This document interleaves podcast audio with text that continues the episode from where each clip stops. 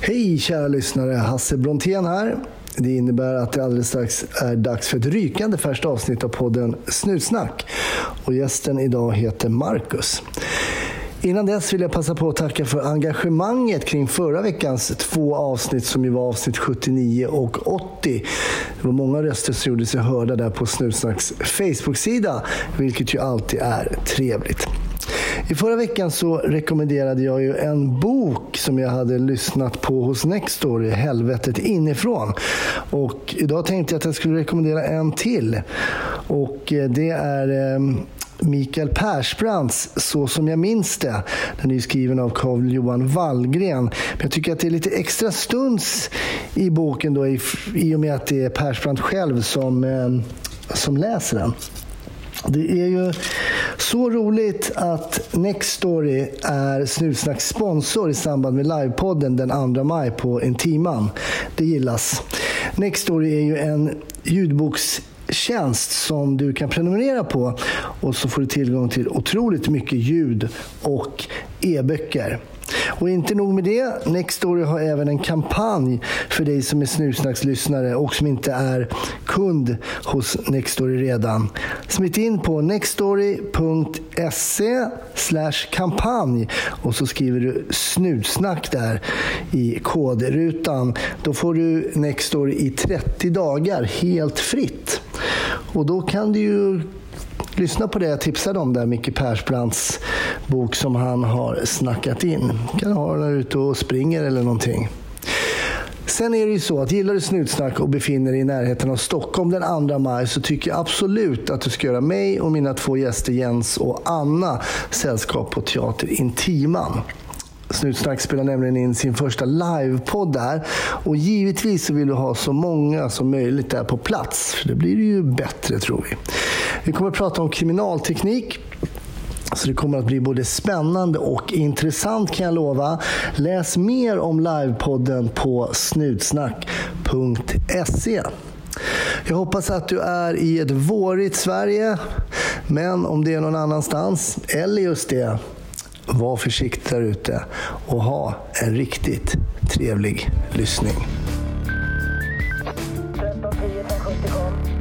1310 Odengatan kom. Ja, det är uppfattat. Vi tar det. Slut. Bra. Klart slut. Varmt välkommen till eh, Snutsnack Marcus. Tack så mycket. Vi pratade lite innan här och du jobbar ju på en station som jag jobbar på lite, Nacka. Mm, precis. Vad gör du där?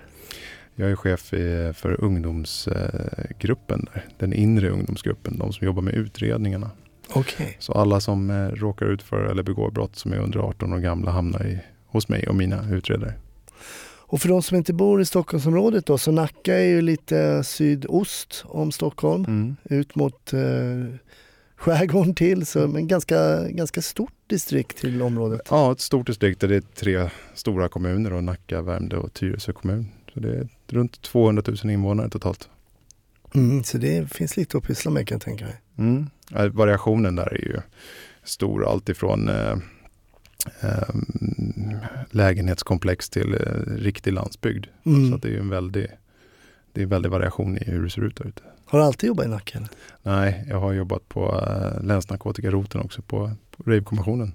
Ja, år. min, min gamla arbetsplats. Ja, Ja, det var roligt. Jag var ju faktiskt med och startade upp den med Lasse som, har varit, som jag vet att du jobbar med nu. ja Som stämmer. har varit gäst här i Snutsnack och berättade när han tog sitt riktigt första stora parti narkotika och sköt i däcken på bilen. Det är en sån, Mm. sån filmgrej man tror man bara skjuter på däcken. Men den här, i det här fallet, i Lasses avsnitt så stannade inte bilen utan den drog iväg. Ja, ja. Hade du redan hört den här historien eller? nej faktiskt inte. Nej. Det var en av de historierna jag inte har hört. Jag har hört många historier men nej, den hade jag inte hört. Jag kan säga, han har, Lasse har nog eh, en hel del historier. Ja, men en, en enorm erfarenhet och en extremt duktig polis. Liksom. Mm, att, mm. ja. Har också jobbat med honom lite eller? Ja, eh, en hel del. Ja. Då är det inte mycket fika. Nej, det, det, gör man efter passet. Hur kommer det sig att du, ehm, hur kommer det sig att du började jobba som polis överhuvudtaget? Ja, eh, min resa var väl inte solklar från början utan jag var ju eh, en eh, chef på Nordea, eller på Nordbanken som det hette då. Mhm. Eh, och sen eh, en dag så tröttnade jag helt enkelt på att jobba med bankfrågor. det var IT-frågor jag jobbade med då, Okej. IT-säkerhet där. Eh, så att eh, jag sa upp mig en dag och samma, mm, ja, samma termin så kom jag in på Polishögskolan. Jag hade sökt där innan och hade sån tur att jag kom in samma termin så att eh, jag vandrade raka vägen till Så Polishögskolan. du visste inte att du hade kommit in när du sa upp det? Nej, jag visste inte det utan jag sa upp mig i vredesmod egentligen. det var väl ingenting som eh, var sådär särskilt eh, populärt bland eh, föräldrarna. Men Ah, okej. Hur gammal var du då, då när du lämnade bankväsendet? ja, det måste jag ju då, vad kan jag ha varit då? Jag har ju jobbat som polis i 14 år. Och så är det två år på skola där då. Så att, eh, ja, och idag är jag 40. Så att eh, våra lyssnare som är duktiga på matte, de har räknat ut det här nu. Du och jag passar. Precis, Ja. matte är inte min grej. Nej men okej då, du sa 14-2, du var 24 någonting då? Ja, Ja, kan mycket väl stämma. något sånt här. Okej, och då gick du på Sörentorp i... Jag gick på Sörentorp, eh, precis på den gamla eh, hedliga polishögskolan innan man flyttade den till eh, Södertörn. Mm. Eh, det var ju eh, fantastiska år.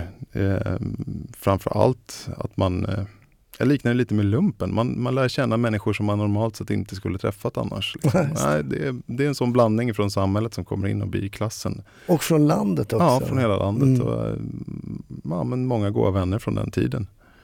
Ehm, Så det var en bra tid? Det var en bra tid, men det var skönt när den var över och man fick börja jobba. Det var ju det man längtade efter, få komma ut och ta på sig uniformen och vara ute och jobba. Nu Var, blev- var nu- kom du då, då någonstans? Då hamnade jag i Nacka. Ja, det gjorde det? Ja. Till att börja med där. Sen eh, var jag där på utryckningen i mm, nästan ett år innan jag gick vidare tills mm, Karin Götblad beslutade om att man skulle starta upp de här poliskontoren. Och då behövde vi ett poliskontor i Fisksätra. Och det var en händelse som gjorde att jag började jobba där och där jobbade jag i några år tills jag gick vidare till Rave-kommissionen. Då. Just det. Och Fisksätra är ju då, för de som inte känner igen det namnet, det är väl inom det distriktet ett lite stimmigare område kan man väl säga. Ja, med Nacka-mått mätt så är det väl eh, lite mer stimmigt. Mm. Absolut, men eh, det är inte jämförbart med många andra eh, mångmiljonprogram eh, Nej. som vi har runt om i Sverige. Ja, just det.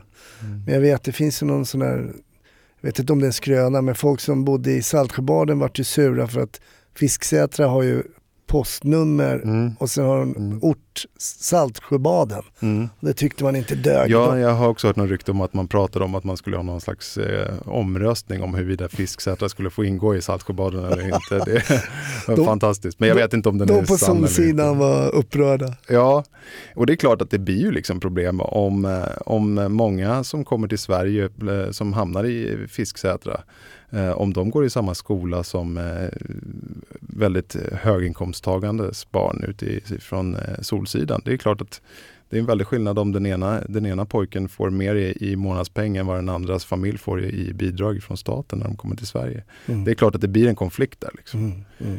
Hur var det att jobba där i Fisksätra? Vad- Ehm, Ja, men det, var, det var ju fantastiskt. Det, jag, jag gillade det jättemycket och själva eh, känslan av att, eh, att ha kontroll, att veta rätt mycket om eh, individerna som, som bodde där och lära känna dem och ehm, ja, men vara lite tjenis med folk. Ehm, och när, när, när det var något brott som hade begåtts så hade ja, känslan av att kunna säga vilka tre individer som har en blå dunjacka till utredarna, den är, den är tillfredsställande. Liksom. Att, Verkligen. att, att, att eh, något slags special, eh, specialkompetens liksom egentligen. Hur väl kom du att lära känna folk då som i, tänker mig centrum där och skolorna och sådär? Jo, men det är, ju- det är ju väldigt väl. Man jobbar ju varenda pass eh, år ut eh, med att gå runt och blada och ja, promenera runt och prata med allt och alla. Spela fotboll med några eh, och därefter så jobbar man med någon trafikkontroll och eh, ja, kontroller på krogarna och så vidare. Men så, du, du säger det här då att man får Mm. en, personkännedom och man lär känna till exempel de här ungdomarna, vet vilka som har blåa jackor och så. här. Men hur mycket, hur mycket bygger det på det personliga engagemanget hos den enskilde polisen. Men jag tror att ett sånt jobb passar inte alla. Liksom, utan, utan man måste vara beredd på att bjuda på lite, lite på sig själv. De, eh, man släpper ju, man talar jag talar ju om mycket om mig själv när jag pratar med individer. Och, ja, men lär känna allt ifrån de här små knattarna till, till de största gangstrarna som fanns där ute och alla däremellan.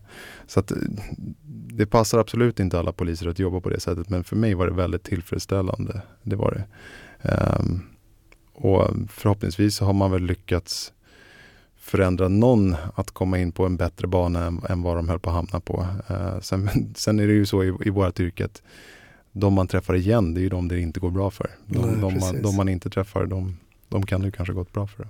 Hur blev du bemött där som polis då? När du Från början var det ju väldigt mycket motstånd. Vi hade ju inte haft någon polis eh, på plats på ganska många år utan bara gjort ingripanden. Alltså egentligen när det händer någonting så hade mm. polis varit på plats och nu skulle vi vara ett naturligt inslag i området.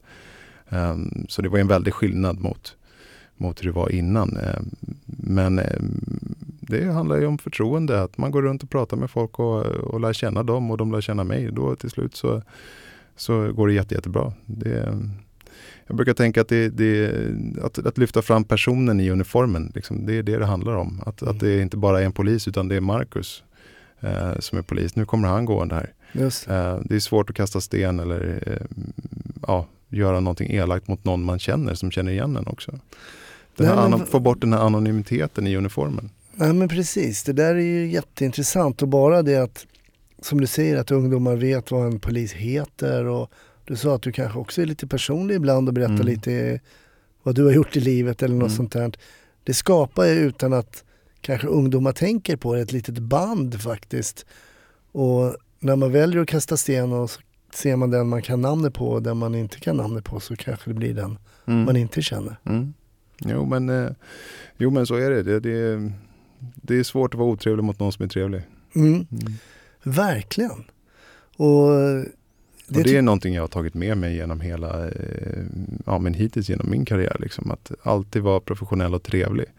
Uh, och om man är det så, så, tror jag att risken att råka ut för någonting, uh, något angrepp mot mig som person är, är mindre. Mm. Uh, och det är så jag vill vara och det, det, är så jag vet att många andra vill vara och försöker vara också. Ja men det där är intressant. Jag kommer när jag jobbade som lärare på polishögskolan när man fick frågor av elever som, som var hur ska jag bemöta en som är påverkad av amfetamin, hur ska jag bemöta någon som är... Och det är ganska enkelt för man bemöter det precis som du säger. Man, ja. man är snäll och trevlig. Ja, när tillfället eh, inte är annat så är man det. Ja, och korrekt framförallt. Liksom. Mm. Uh, och, och då blir man bemött med respekt. Ehm, jag har ju på kvällspasset eh, exempelvis eh, tagit ett avsågat hagelgevär vid en husrannsakan hemma hos en kille. Hållit förhör med honom på, på nattkvisten. Han blev utsläppt. Eh, jag har en fridag. Jag åker och lämnar in min bil på verkstaden. Ja, vem står bakom inlämningsdisken? Jo, men han. Mm. Känslan av att lämna över sin privata bil till den man precis har tagit ett hagelgevär av, den, den är ju Ja, den är, den är annorlunda. Men, men jag hade bemött honom professionellt och han, han, han berättade att han respekterade hur jag hade gjort och att jag hade skött mitt jobb. Och någonstans så tror jag att om man sköter sitt jobb och är, är trevlig och eh, hyfsat duktig så tror jag att, tror jag att man får en, en respekt för det. Mm. Som, till skillnad mot om man är otrevlig eller framförallt gör något tjuvnyp eller någonting liknande. Precis, för att jag tänker mig den där scenen som utspelar sig med lite, lite i mitt huvud nu, att du går in på bilverkstaden där och eh, ska bara göra en sån vanlig grej, lämna in bilen. Och så står den här killen som du har tagit ett hagelgevär av. Alltså jag tänker mig att situationen skulle kunna bli väldigt annorlunda om du inte hade uppträtt på ett korrekt sätt. Ja. Och, eh, Absolut. Eh, betett dig väldigt illa eller något sånt där. Ja, Ja, absolut. Och det, nej, men det, det, det är viktigt eh, och det har varit viktigt för mig hela tiden och är fortfarande väldigt viktigt att vara korrekt och trevlig. Eh, sen betyder det inte att man behöver eh, bjussa på massa med att inte rapportera om för olika brott. Det är absolut inte det nej, det betyder. Nej, det, det, handlar om att vara korrekt. Hur är det då när man är väldigt korrekt och trevlig och man får ju någon, kan jag tänka mig att det blir något form av um, en relation då mellan de här ungdomarna och mm. så vidare och så vidare. Och sen plötsligt så tippar över, de gör någonting eh, som inte är lagligt och du måste helt enkelt Mm. rapportera. Hur är den då? då Ja, men det, var, det steget var ju, var ju väldigt enkelt när man är polis att, att kliva över det. Men jag vet att det bemöttes och med förvåning av vissa. Av vissa av de här ungdomarna som, som helt plötsligt då jag rapporterade, som jag hade stått och spelat fotboll med dagen innan. De tyckte att jag var en orm och sa ju det liksom att men du, du är en orm, hur kan du liksom ena dagen vara trevlig och nästa dag rapporterar du mig? ja men det är ju det, det, är ju det mitt jobb går ut på lite grann här. Just det, det var någonting som hade, det var någonting han hade missat med ditt jobb där. ja, ja, ja.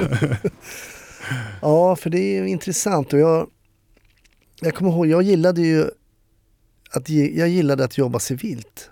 Mm, Jag tyckte att jag var lite mer mig själv mm, och eh, kunde ha det här bemötandet som blev enklare på något sätt när man slapp mm. uniformen. Sen, Mm. sen är det väldigt individuellt. Och det är nog jobbar- lättare att se liksom individen i civila kläder än, än vad det är i en polisuniform. Det är Så är det nog. Mm. Och med all utrustning nu som, eh, och Mm. när man tittar nu, jag tittar på den här tv-serien nu om det var Stockholmspolisen eller någonting, det hänger ju Alltså det är Mm. grejer som jag inte ens vet vad det är fast jag bara slutade för tio år sedan. det är mycket prylar alltså. Mm, mm. Men när du jobbade där i Fisksätra, jobbade du både i uniform och civilt? Ja, då jobbade vi både i uniform och civilt och det, det var ju väldigt många komiska eh, situationer där man står och försöker i, ja, men i början av, av sin civila karriär, eh, civilklädda karriär, att man eh, har någon slags snickarbrallor på sig, någonting liknande. Och då vet jag det var en kille som kom fram i trapphuset och upptäckte mig fast han inte skulle då. Mm. och frågade vad, vad gör du Marcus? Ska du bygga om mot någon polare eller vad, vad gör du här? Liksom? Bara för att jag hade snickarbrallor på mig. Och det, han förstod ju på två sekunder att jag var där. Ja, det, det, är man ett känt ansikte i ett område så det spelar ingen roll vad du har på dig. Du får Nej. byta face och det är svårt. Ja men det är klart, det är en nackdel och kan tänka mig också i, på mindre orter och sådär att det är en, Ja. folk känner igen en och sådär. Mm. Men det beror kanske på vad de, jag tänker just ibland i narkotikasammanhang så är folk så fokuserade på vad de ska göra. Ibland så mm, glömmer de bort de yttre omständigheterna och Mm. man tänker att det här måste de ha sett oss. Men eh, Mm. det gäller att ha lite tur också. Det gäller lite tur. Ja. Hur länge var det här i Fisksätra? Jag var nog där i eh, tre, fyra år kanske. Tre, fyra år någonting sånt innan, innan jag gick vidare till, eh, ja, till närpolisen var jag då en stund. Hur var den här tiden i Fisksätra för din karriär och för dina liksom, yrkeskunskaper att jobba och gå Det var väldigt givande. Det var det ju. ehm, dels, dels, och det jag gillar, och det har jag även jag gillat med narkotikaarbetet som jag jobbar med senare, det, det är ju den egeninitierande delen. Att jag styrs inte enbart utav vilka jobb som jag får via polisradion, utan jag styrs även av det jag ser själv och det jag agerar på själv. Mm. Ehm, och det är väldigt tillfre- tillfredsställande och det är ja, men en viktig del i arbetet för att inte enbart bli någon som åker runt på eh, givna jobb helt enkelt. Just det. Och du sa innan så sa du det, eh, det här passar inte alla poliser att vara på det här sättet. Och jag tänker också det här med att initiera egna jobb. Mm.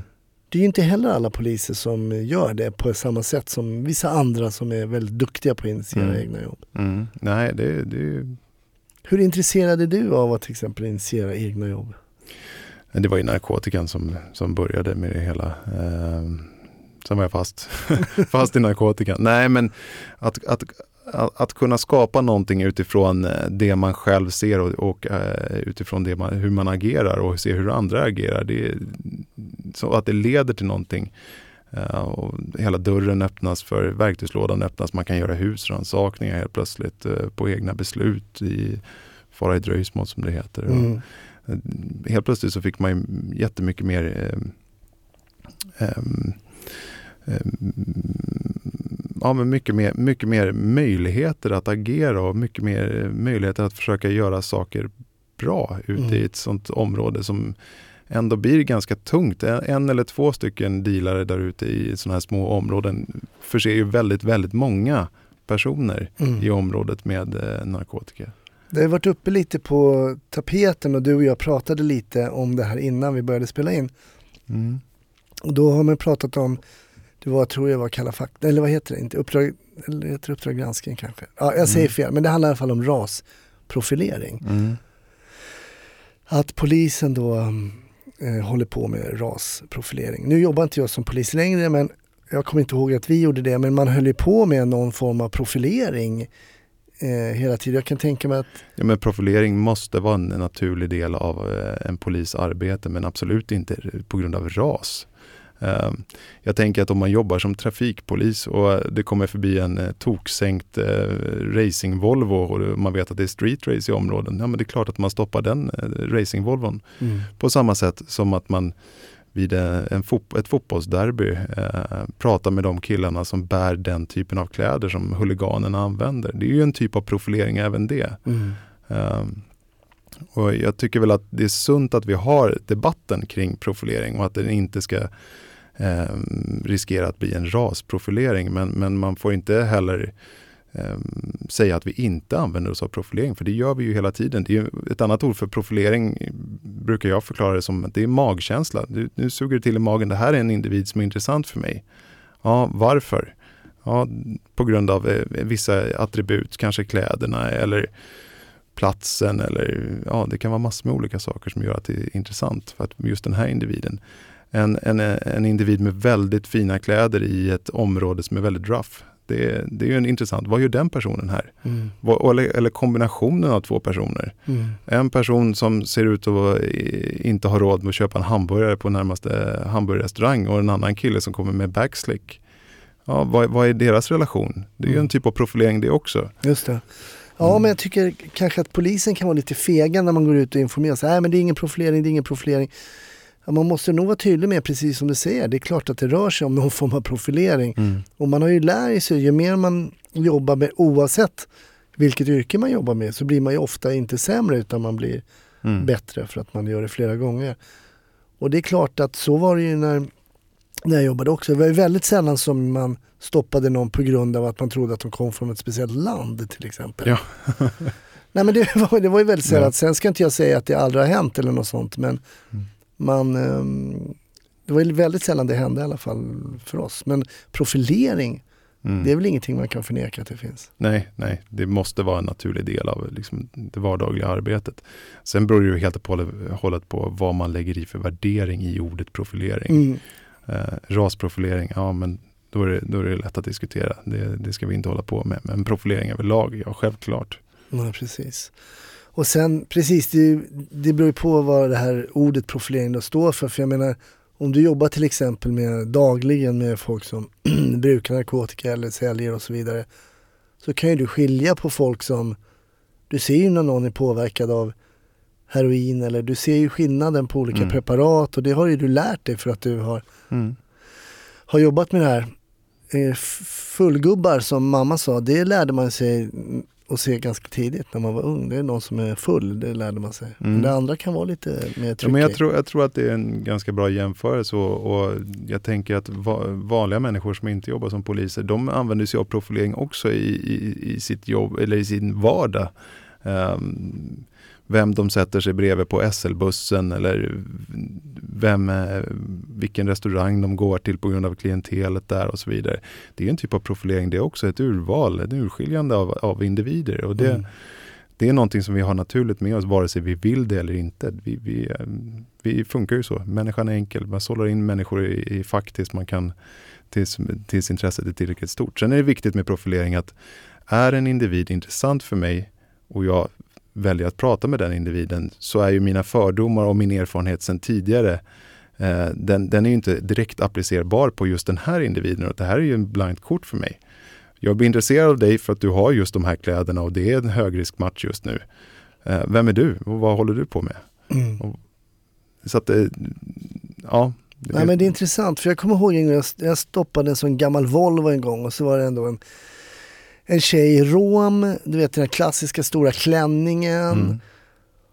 Och sen så när jag kommer fram, ja men det blir som vanligt, blir en olovlig körning och så. Nej, då håller hon upp ett körkort till mig. Mm. Och jag kommer ihåg ärligt hur jag blev, jag blev väldigt förvånad. Mm. Mm. För jag hade aldrig, jag hade kanske stoppat hundra sådana här bilar med liknande förare. Ingen någonsin hade någonsin haft ett körkort. Nej. Nej. Så att och då kom jag på mig själv, ja just det. Jo men det är en viktig tankeställare. Det är ju det. Eh, så är det ju. Jag kommer ihåg jag köpte ett glasbord också av en tjej. på Blocket. Ja. och sen så åkte jag ut till henne och sen ser jag att det hänger en uniform i, i hallen, sån eh, flygvärdinneuniform. Mm. Och så, ja men jag köper bordet så sa ja du jobbar som flygvärdinna? Hon bara, nej jag jobbar som pilot. Mm. Mm. Och då fick jag så här, jag var okej, okay, förlåt, fördomsfullt av mig. Så hon bara, nej egentligen inte för att 97% av alla piloter är män. Så du har säkert inte sett så många tjejer som varit piloter. Så det är också baserat på, så hon tog ner min skämsfaktor lite grann. Ja. Men direkt kände jag så här, ja okej. Okay. Jag Mm. tror att alla typ, Man måste vara medveten om att man, sållar, man gör det enkelt för sig själv genom att sålla in människor i olika Mm. fack. Det är, så funkar ju människan. Liksom. såklart är det så. Mm. Okej, så Fisksätra var i alla fall som jag förstår en ganska lärorik period då. Det var en väldigt lärorik period och där jobbade vi ju med allt, alla möjliga mm, brott. Alltså, allt ifrån trafikövervakning till att åka på den här Saltsjöbanan, den här formen av pendeln som finns där ute. Mm. Eh, till att gå och göra krogkontroller och eh, husrannsakningar i narkotikabrott eller dödsfall. Eller, ja, allt var det. Så det var väldigt brett. Brett Eh, spektrum, ja. ja. Ja. Men sen sökte du ändå vidare därifrån. Sen sökte jag mig vidare eh, och eh, hamnade då på ungdomssektionen eller som den kallades för eh, Ravekommissionen. Namnet levde kvar. Ja, det gjorde det. Ja. Men var det någon rave då när du började där? Eller? Ja, det var faktiskt en Det del rave. det. Det var det. Eh, Även om huvudpunkten, eller våran, vårt stora mål var inte festerna i sig, utan vi, våran målgrupp var ju upp till 20 år gamla ungdomar eh, som helst inte skulle haft eh, någonting med polisen att göra tidigare. Liksom. Ja. Och eh, arbetet med socialtjänsten var ju väldigt utbyggt så att i min grupp så, så hade jag förutom mina gruppmedlemmar så hade jag också en socialsekreterare med mig hela tiden i bilen. Så var jag än Aha. åkte så hade jag socialtjänsten med mig. Okej. Eh, vilket var fruktansvärt bra. Eh, att direkt kunna liksom, eh, slänga in socialtjänsten istället för att i normalfallet så får vi sitta och författa massa olika promemorior och försöka förklara vad vi varit med om och hur den här individen har berättat för oss och missbruksbakgrund och så vidare. Här var ju någon av, av våra fantastiska socialsekreterare med och direkt såg allting som vi såg. Det första jag tänker på är sekretessen. Vi har ju, de har ju en större sekretess mot polisen än vad vi har mot dem. Mm, det är lite enkelriktad kommunikation där. Vi matar dem hela tiden men vi får ingenting tillbaka. Just det. Men hur funkade det här då? Men det är klart, var ni ute och såg samma saker då kanske inte det var något Ja, var problem. vi ute, det, det ställer ju sig ut på sin spets när man gör husrannsakningar eller när man gör intrång i någons persons eh, vardag eller liv. Liksom. Mm. Ehm, och, och där fick vi socialtjänsten oftast vänta en stund tills vi hade kommit så pass långt att, att vi, vi introducerade dem liksom, för, för den misstänkte eller för den familjen som bodde där. Liksom. Mm. Ehm, så att de, de satt ofta och väntade utanför. Sen när vi hade rena spaningsärenden så var ju inte socialtjänsten med förutom någon gång när de råkade bara befinna sig där. Och, Ja, det. Eh, och det var ju grymt bra. För eh, angående profilering så ser socialsekreterare inte ut som poliser. så att, att hänga med en socialsekreterare på tunnelbanan, då, då blir man inte tagen som två snutar som sitter där. Utan, Ja, eh, okej. Ja, det- du ser. Ja, det var Ja. användbart i många, på många sätt. Ja. Skulle du kunna ehm, dra ett exempel hur det skulle kunna se ut när du var och jobbade med en socialsekreterare och när det så att säga utmynnade i ett ärende för, för båda parter på något sätt? Alltså.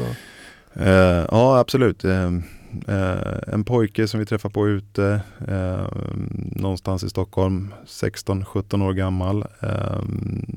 Vi ska göra en husrannsakan på grund av att han har, han har grejer i fickan, alltså grejer som är narkotika. Mm. Vi ska gå hem och göra en husrannsakan. Han vill inte att vi ska göra husrannsakan och det brukar alltid, oftast betyda att man har mer grejer hemma. Man motsätter sig det. Ja, just det.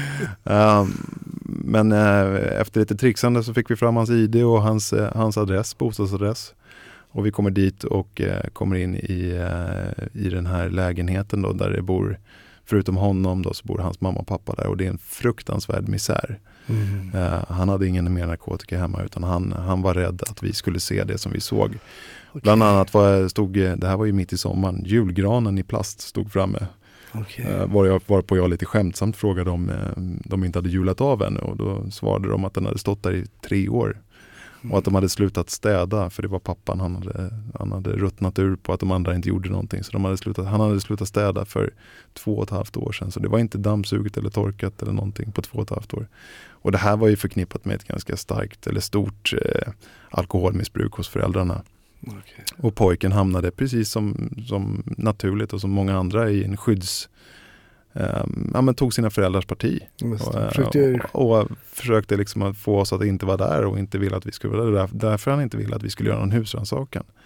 Att då författa det på, i, på en A4, vad man ser för någonting, att julgranen stod framme, att det var whiskyflaskor överallt, att det, att det, var, ett, det var en sån här frys. Eh, så att när man, skulle, när man skulle stoppa in ett paket med fiskpinnar i frysen så fick man ta ut fiskpinne för fiskpinne och stoppa in liksom genom det här oavfrostade frysen. Du förstår vad jag menar? Ja, att det är fullt, fullt med is. Liksom. mm.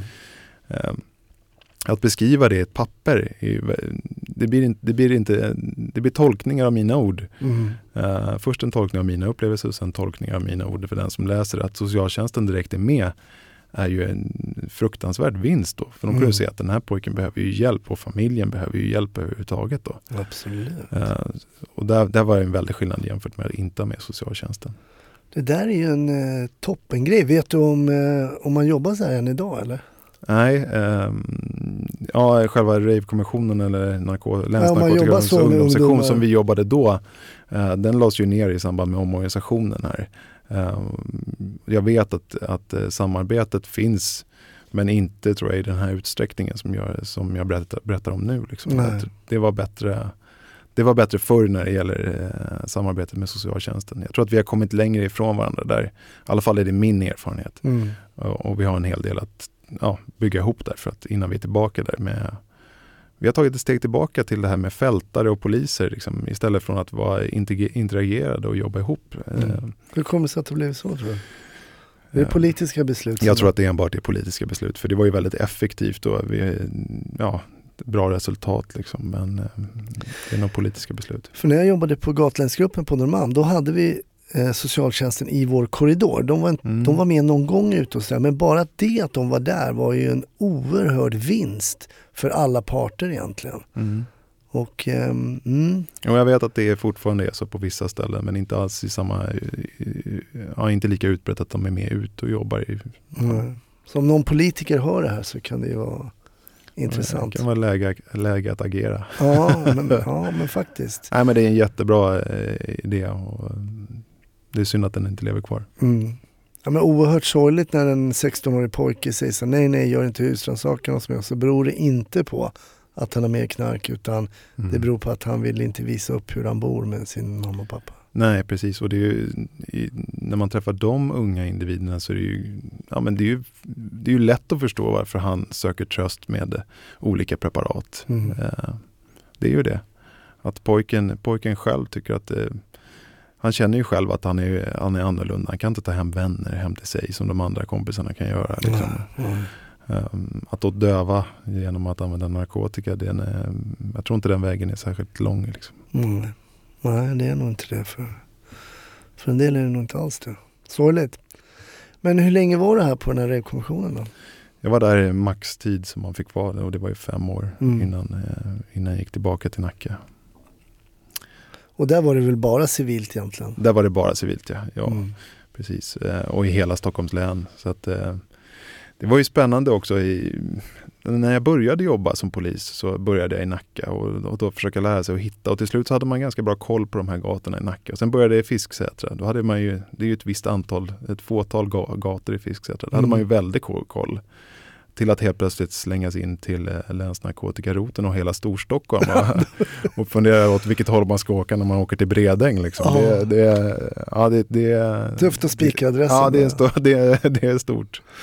Men det har jag tänkt på, jag ser ibland polisbilar som åker blåljus och sådär. Vet, vi åkte ju blåljus och en körde och en bläddrade liksom i Mm. taxikartan för det Mm. fanns ju inga GPS och sådär. Nej, det var taxikartan när Ja. jag började också. Ja, det var det, ja. Det, det. Det fanns något charmigt med det där men jag tror att GPS fungerar bättre faktiskt. Ja, ja. Framförallt är risken att må illa eh, mindre. Ja. Man- För det var ju förknippat med det att sitta och slå under tiden Ja, någon, någon körde. eh, Så var det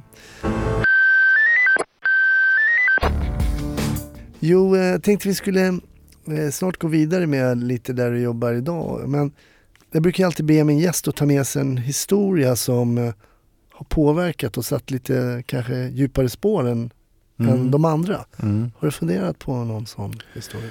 Eh, ja, men det är klart jag har. Eh, och mm, jag, jag funderade väl lite grann över de gångerna när jag har betvivlat om jag ska jo- fortsätta jobba som polis eller inte. Mm. Och det har varit vid, vid ett antal tillfällen. Inte jättemånga, men några. Och det är händelser som liksom har berört mig väldigt mycket. Inte, inte bara den här klassiska att man hänger av sig uniformen och hänger av sig det man har varit med om, utan även tagit med sig hem. Mm. Um, och det, det är den händelse som gjorde att jag började jobba i, i, det här, i Fisksätra. Uh, och sen så är det en annan händelse då med, eh, där jag själv var misstänkt för brott, uh, tjänstefel. Och uh, ja, började misstro hela systemet. Uh, jag tyckte ju själv inte att jag gjort något fel. Okej, Berätta.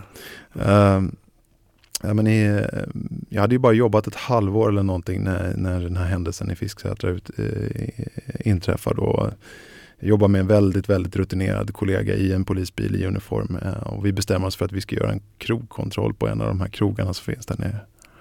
Eh, vi kliver in eftermiddag, mitt i, ja men det är varmt ute, sommartid. Eh, och det är väldigt tomt på den här eh, baren, restaurangen. Um, det står en man i baren med ryggen emot mig och han har en, en kavaj och chinos på så han dricker ett glas rött. Uh, och sen sitter det ett gäng kids som är i uh, 20-årsåldern och kollar på någon ja, inspelad re- repris av någon Champions League-match och dricker lite öl lite längre bort. Mm. Och jag räknar bort den här killen, 40-åringen i baren direkt och går förbi honom, eller är på väg förbi honom och min kollega går längre fram bort mot de här grabbarna som sitter lite längre in.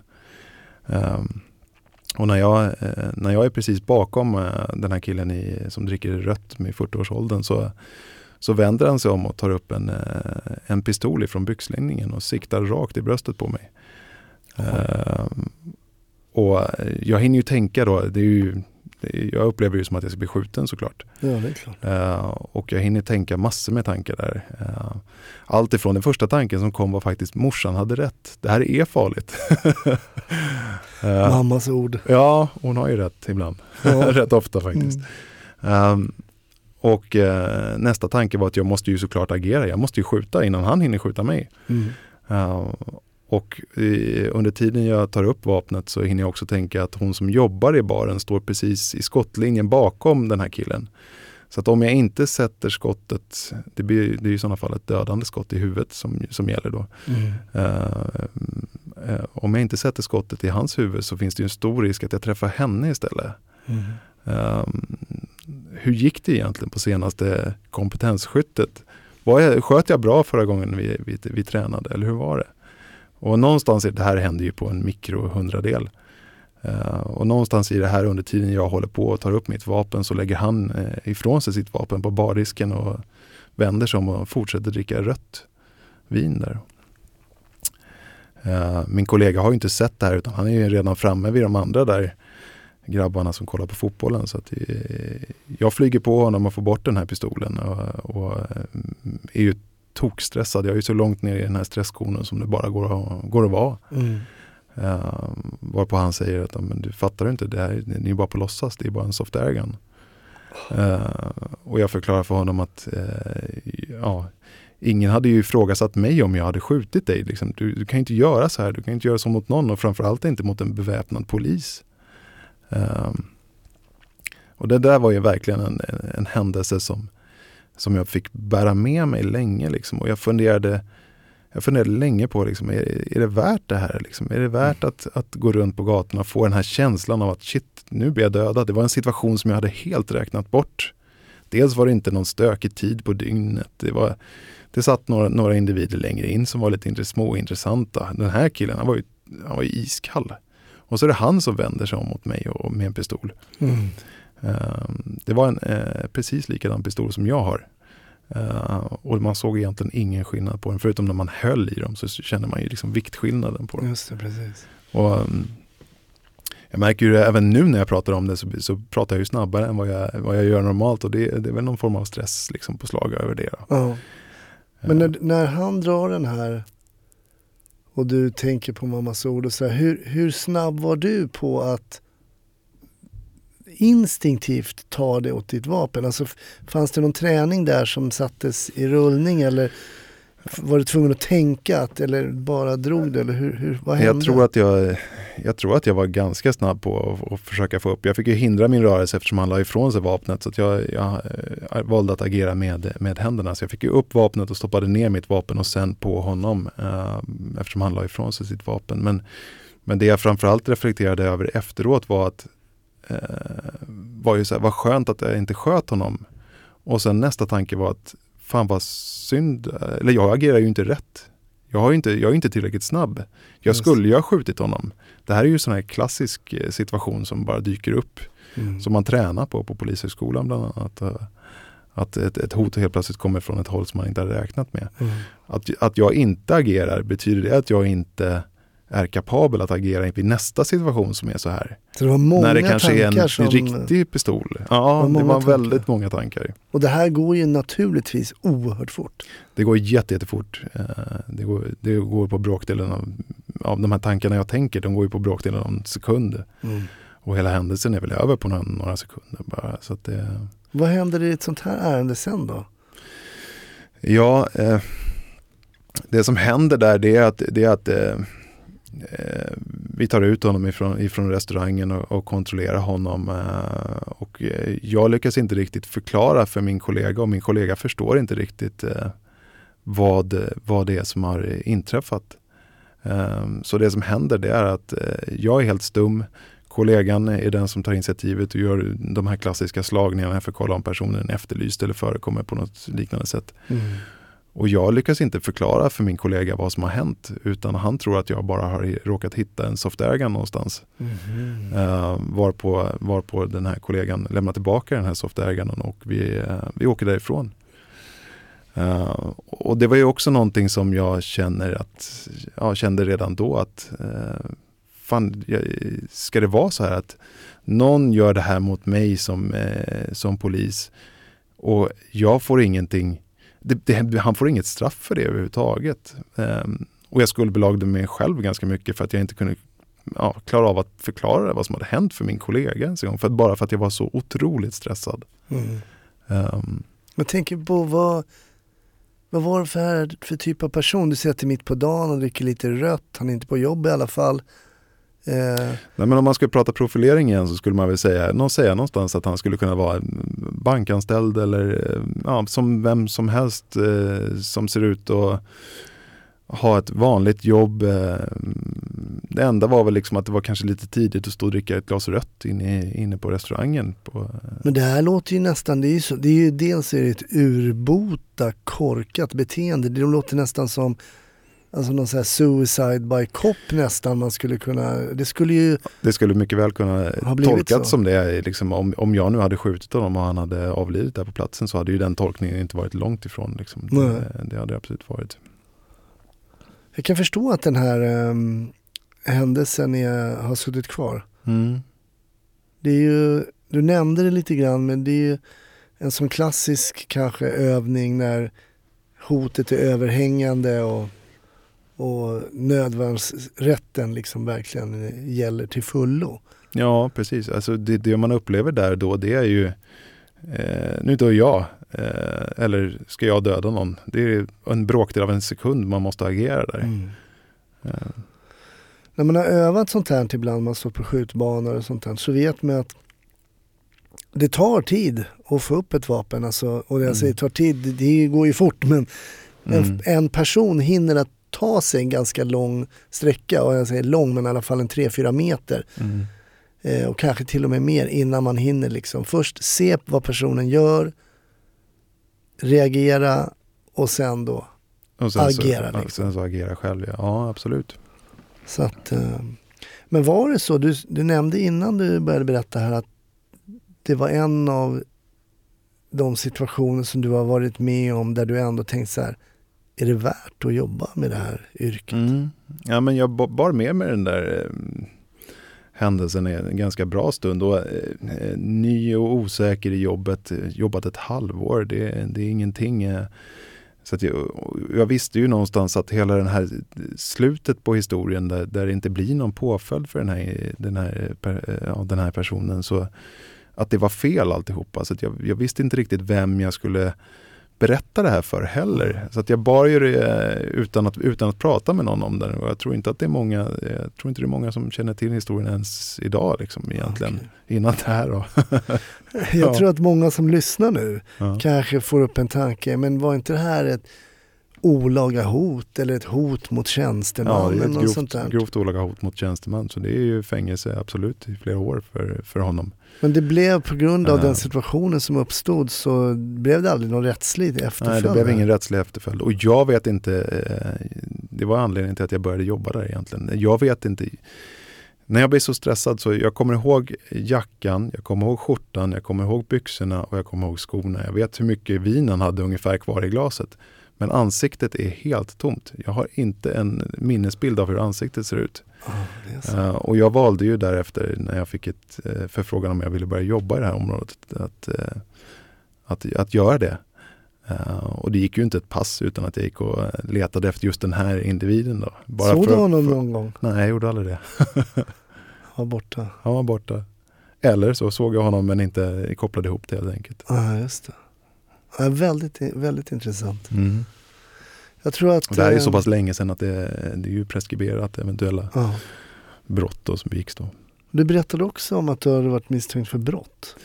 Ja, jag var misstänkt för, för brott eh, och blev delgiven misstanke eh, för tjänstefel, eh, olaga frihetsberövande, olaga husrannsakan och ja, det låter, det låter, det lät väldigt, väldigt allvarligt och det var ju en allvarlig händelse. Men man menade på då ifrån vår interngranskning som CU då att, eh, att jag inte hade byggt upp en tillräckligt hög skälig misstanke för ett narkotikabrott och gjort en husrannsakan.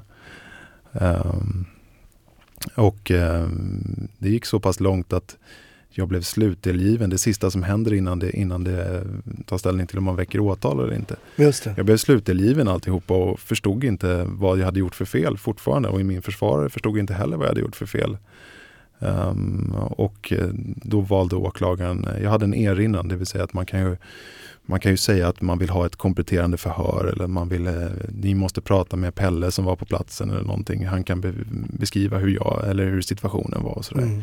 Och min erinran bestod i att eh, jag förstod inte för, vad jag var misstänkt för. Uh, och då valde åklagaren att lägga ner misstanken uh, mot mig. Men det här är en process som, som pågår i ett halvår. Att, och att vara polis och helt plötsligt behöva ta reda på vilken försvarare man själv ska välja. Mm.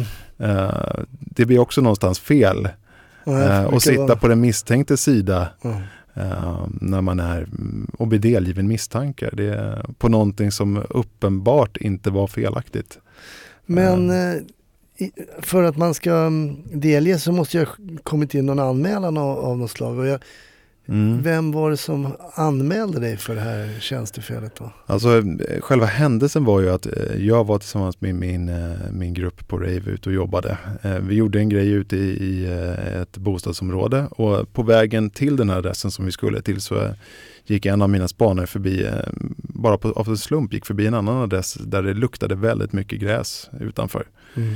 Uh, och han nämnde det för mig när vi var inne och gjorde den andra husrannsakan och förklarade. Och jag sa det att ja, men när vi är klara här så går vi tillbaka dit och kollar vad det är, om vi kan hitta vil vilken lägenhet det är. Mm. Vi kommer dit uh, och vi försöker liksom lukta oss fram till vilken lägenhet det är utifrån på utsidan av den här huskroppen. Det är trevåningshus. Uh, och det luktar, det stinker verkligen Mariana där. Um, och på våning två så ser jag hur glasdörrarna på den här inglasade balkongen dras åt sidan och hur en kille går ut och eh, hur han röker en spliff. Det är mörkt ute eh, så jag ser inte honom som hela personen utan jag ser att han, han röker på det här väldigt karaktäristiska sättet som man gör när man röker gräs. Han blåser på cigaretten för att få upp värmen.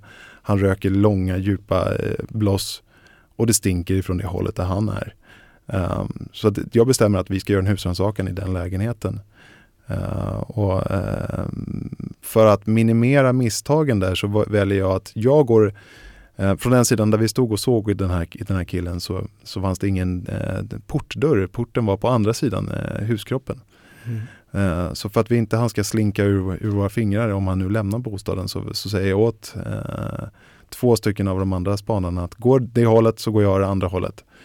Uh, och när jag kliver runt uh, bostaden där, eller hela det här komplexet, så kliver jag rakt på en, uh, en kille som är 14 år gammal som är ute på och säljer Spice.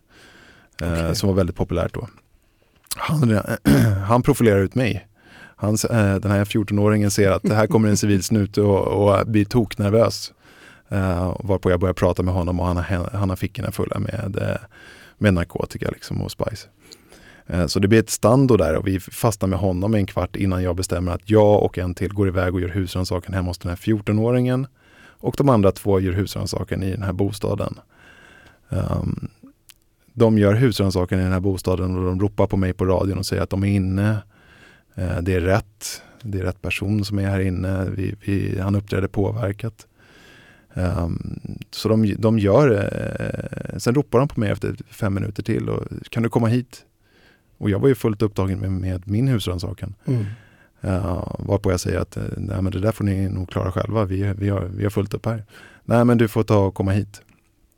Uh, så att, irriterad så gick jag över till de andra kollegorna där och frågade liksom, vad, är, vad, är, vad är problemet? Vad, vad, vad är det som händer? Uh, och möter då den här personen som befinner sig i lägenheten. Uh, och det visar sig att han har han har grav eh, ADHD och framförallt Aspergers eh, och är rädd för, eh, ja, man rädd för framförallt myndighetspersoner och är rädd för folkmassor och en jättestor problematik. Ehm, jag inser ju där och då att min första tanke var ju så här, shit jag har räknat fel på våningsplanen eller på huskroppen. Det här kan inte vara rätt lägenhet. Jag går ut på balkongen och ser att det här är den enda inglasade balkongen som finns. Så det är den här lägenheten, jag har sett en person stå och röka på balkongen bara minuterna tidigare. Um, uh, så jag frågar honom om han röker vanliga cigaretter. Så, nej, han hade, aldrig, han hade aldrig ens provat vanliga cigaretter. Då börjar ju svettpärlorna liksom droppa i pannan på mig. Uh, och jag frågar hur länge han har varit hemma och han förklarar att han hade kommit ganska nyligen hem. Mm. Okej, okay, uh, ehm, och han delade bostad med sin syrra och uh, syrrans uh, ja, pojkvän. Eh, och eh, jag bestämmer ju där och då att ja, men det, här är ingen, det, det här är ingen idé, idé, att driva någon förundersökning mot den här killen eller den här bostaden för att det, det här är bevisligen fel. Så jag lägger ner förundersökningen på plats, förklarar för honom att han inte längre är misstänkt. Uh, jag, jag, ber om tillåtelse, att, för han är ju myndig den här killen, då. jag ber om tillåtelse att få ringa hans mamma bara för att kunna liksom förklara för henne så hon kan hjälpa honom Just. i situationen eftersom han har den problematiken han har och det får jag. Så jag pratar med mamman. Uh, syrran kommer även tillbaka till lägenheten och jag pratar med henne och förklarar det alltihopa. Jag lämnar mitt visitkort och jag ringer till och med dagen efter bara för att kolla hur det är med, med pojken där. Och han, han har tagit den här händelsen, ja, men han tyckte det var jätte, jättejobbigt, för, vilket är förståeligt med den diagnosen. Mm, mm. Hur som helst så visar det sig, de, det blir en anmälan mot mig och den är, den är väl någonstans riktig där och då. Det tycker jag absolut. Att det tål att, man måste klara av att tåla att, eh, att granskas som polis, mm. absolut. Uh, men det, det som händer sen är ju att det framkommer i den här utredningen att flick, eller förlåt, systern hade ju varit hemma innan. Uh, med, och syrrans pojkvän hade ju uh, vår interngranskare också fått tag på och hållit förhör med. Och han eh, vidgav ju då att han hade stått på balkongen eh, men han hade självklart inte rökt någon cannabis utan han hade stått där och rökt en vanlig cigarett. Sen hade de hunnit lämna eh, medan, du medan vi pratade med den här 14-åringen och den andra lillebror med problemen. Problematiken hade hunnit komma hem. Okay. Så att vilken, eh, ja. Det gick, ja, men det gick så långt att, jag blev, eh, att det blev, gick ut på slutdelgivning och då började jag också fundera på liksom att jag kan förstå att man granskas, det, det, det är jag helt okej okay med. Men att det går så pass långt att det nästan blir en rättegång av det, det då tycker jag att... Hade du blivit av med jobbet om du hade blivit fälld? Eh, jag fick aldrig något utlåtande på det. Mm. De hade aldrig uttalat sig om det utan man tror att man måste väcka åtal först då. Ehm, men, eh, men det upplevde jag som fruktansvärt jobbigt mm. och väldigt ensam. Och jag var ju förundersökningsledare och det var ju mitt beslut så det var ju jag som, som skulle åtalas i den här situationen om det var någon som skulle göras det. För vi har en ganska unik eh, lagstiftning i Sverige som inte finns i många länder. Det är just att nu får du som förundersökningsledare fatta beslut om en, en, en, eh, en husrannsakan. Men i vissa fall kan man ju också som polisman, man behöver inte vara förundersökningsledare. I vissa fall så kan man ju också som enskild polisman fatta ett beslut om en husrannsakan också. Mm. Mm. Och då pratar man då om någonting som eh, kallas för fara dröjsmål, att man inte har tid att ringa till en åklagare till exempel, eller förundersöknings- förundersökningsledare och få ett beslut. Mm. Och det var så det här kanske togs då, att det var Nej men man menade på att jag, var ju behörig förundersökningsledare då. Mm. Eh, men de menade på att det inte fanns någon skälig misstanke, att min skäliga misstanke inte räckte upp. Den var eh, för vag helt för, enkelt. Ja, de tyckte väl att den var för Mm. vag. Uh, Medan jag tycker att eh, om man jobbar med narkotika och ser en person som står på våning två, det är inte våning 40 utan det är våning två eh, som står och röker på, på, eh, på just det här sättet och det kommer en stark cannabislukt därifrån, då, då tycker jag att man har grund, skälig misstanke, som man- det är det man behöver för att göra en husrannsakan. Men det som tyder på att du kanske hade det var ju det att man inte väckte åtal då, då. Att man kände att det kanske inte räcker. Ja, ja men precis. Precis. Men mm, känslan och det, det, det vi började prata om där, det var ju den här liksom eh, tappade tron på det man själv stod för Mm, någonstans. mm. Liksom att, eh, vad ska jag bli åtalad för? Eh, Mm. jag, jag tycker inte att jag har gjort något fel. Liksom. Ja, jag fattar. Mm. Mm. Två väldigt intressanta historier. Idag, men idag jobbar du inte längre med ungdomar och narkotika utan du, men du är tillbaks i Nacka. Jag är tillbaka i Nacka och jag jobbar med, eh, med eh, all ungdomsbrottslighet och egentligen mer på eh, gruppchefsnivå så att det, jag, jag har hand en hel del om eh, personalen egentligen, om utredarna. eh, min- Se till så det flyter. Ja, försöka få det att flyta. Kan du casen? Kan du dina, din, dina vet du vad de har för eh, ärenden på sina skrivbord? Mm. Ja, men det, det, det tycker jag vi kunna. Alla, inte alla, men självklart. Nej, men vi har, de jag har större de har, 198 ärenden just nu, så att det, men jag har koll på de större ärendena. Nej, att du inte ska kunna alla, det förstår jag.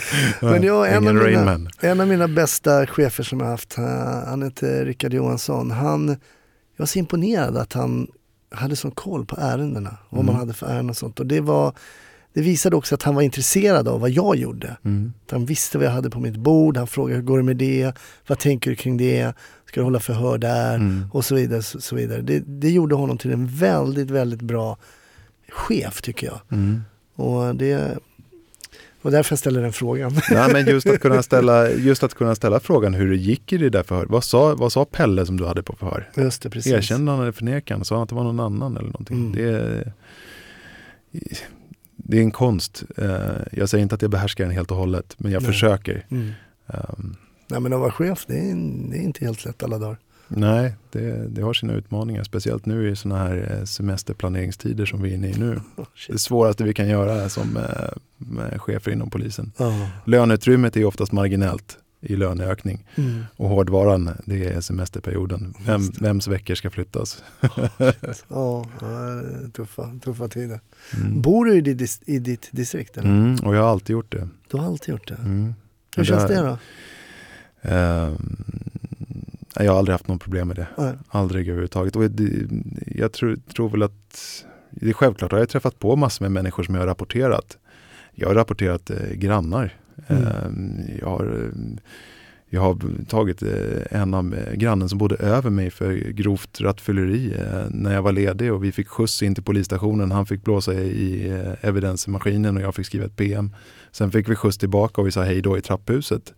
Eh, och det, det var inga problem. Fan, du är en nitisk jävel Marcus. Ja, ja, ja. ja, gränsen går ju vid grovt rattfylleri. ja, men de ska verkligen. Det, det, Nej, de måste bort det- från gatan och han sålde sin bil efteråt. Han hade nog en, Ja. en, eh, en jobbig period där. Men, Mm. eh, Nej, men det är helt rätt som du säger. nej, jag har inte upplevt något problem med, med att bo och eh, Nej. jobba i samma område. Det har jag inte.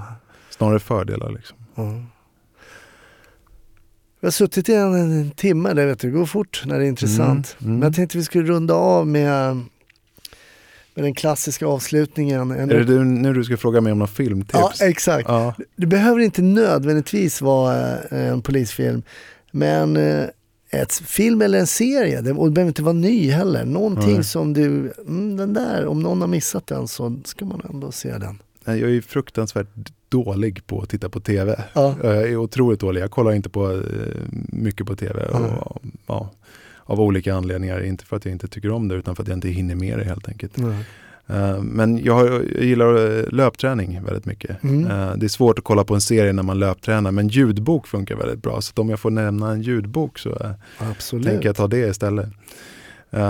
Och eh, det har blivit några mil i löpspåret eh, och några gånger har jag tyckt att det varit väldigt bra research. Man har gjort väldigt bra research om polisen och det, att allting känns så rätt beskrivet.